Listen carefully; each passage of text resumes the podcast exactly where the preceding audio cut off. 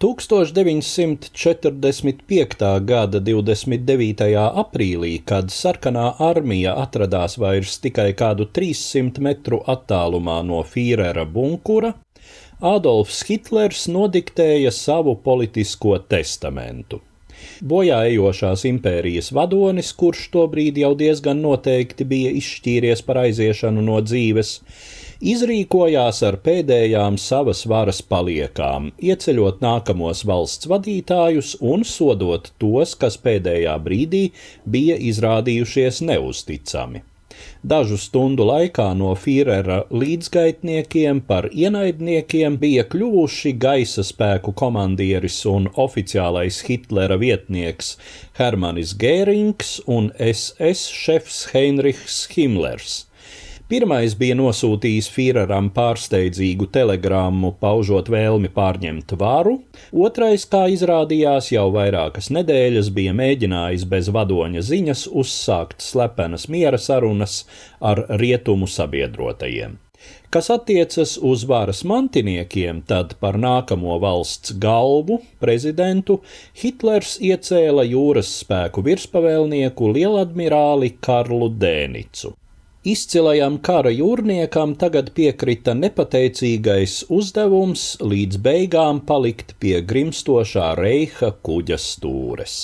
No 17 nācijas līderiem, kurus Hitlers bija piesaucis savā testamentā, Dēnica kabinetā patiešām iekļāvās tikai grāfs Švērins von Krosiks, kā premjerministrs un lauksaimniecības un pārtikas ministrs Bake. Vēl tajā darbojās vairāki līdzšinējie ministri - Špērs kā rūpniecības, Zelte kā darba un sociālo jautājumu, Dorpmillers kā transporta un sakaru, bijušais ministrijas ierēdnis Štukarts kā iekšlietu ministrs. Par valdības mītni kļuva kara flotes akadēmijas ēka Flensburgas pilsētā pie pašas Dānijas robežas, tāpēc Dēnica valdību mēdz dēvēt arī par Flensburgas valdību. Jau 1. maija vēlā vakarā, kad admirālis Dēnits par radio paziņoja vācu tautai par Hitlera pašnāvību un jaunās valdības izveidošanu, šī valdība kontrolēja vairs tikai teritorijas skrandas Vācijas ziemeļos un dienvidaustrumos. Wehrmachta rokās vēl bija arī Dānija un Norvēģija, daļa Austrijas, Nīderlandes, Čehijas, Ziemeļitālijas, arī Kurzeme. Faktiski vienīgais reālais šīs valdības uzdevums bija vienoties ar uzvarētājiem par padošanās noteikumiem. Flensburgas valdība apzināti vilcināja sarunas, lai pēc iespējas lielāks skaits vācu karavīru un arī civilo bēgļu paspētu nonākt valsts rietumdaļā un paglābtos no padomju gūsta un okupācijas šausmām.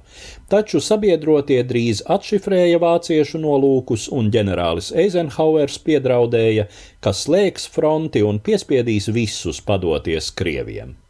Vācijas kapitulācija, kā zināms, notika divos piegājienos, 7. un 8. maijā, taču Flensburgas valdība vēl kādu brīdi mēģināja funkcionēt, un arī rietumu sabiedrotie sākotnēji apsvēra vai neizmantot to Vācijas pārvaldīšanai. Tad 20. maijā padomju oficios Spravda publicēja ārkārtīgi niknu ievadrakstu, kurā jau jūtami vēdīja augstā kara dvēsma. Pravda sunīja Flensburgas valdību par Dēnica bandu un vainoja fašistiskās aprindas rietumos par mēģinājumiem vienoties ar bijušajiem hitleriešiem kopīgai cīņai pret Padomju Savienību. Līdz ar šo Maskavas vēstījumu Flensburgas valdības liktenis bija izlemts. 1945. gada 23. maijā Dēnicam un viņa kabineta ministriem tika paziņots, ka valdība tiek likvidēta un viņi paši arestēti.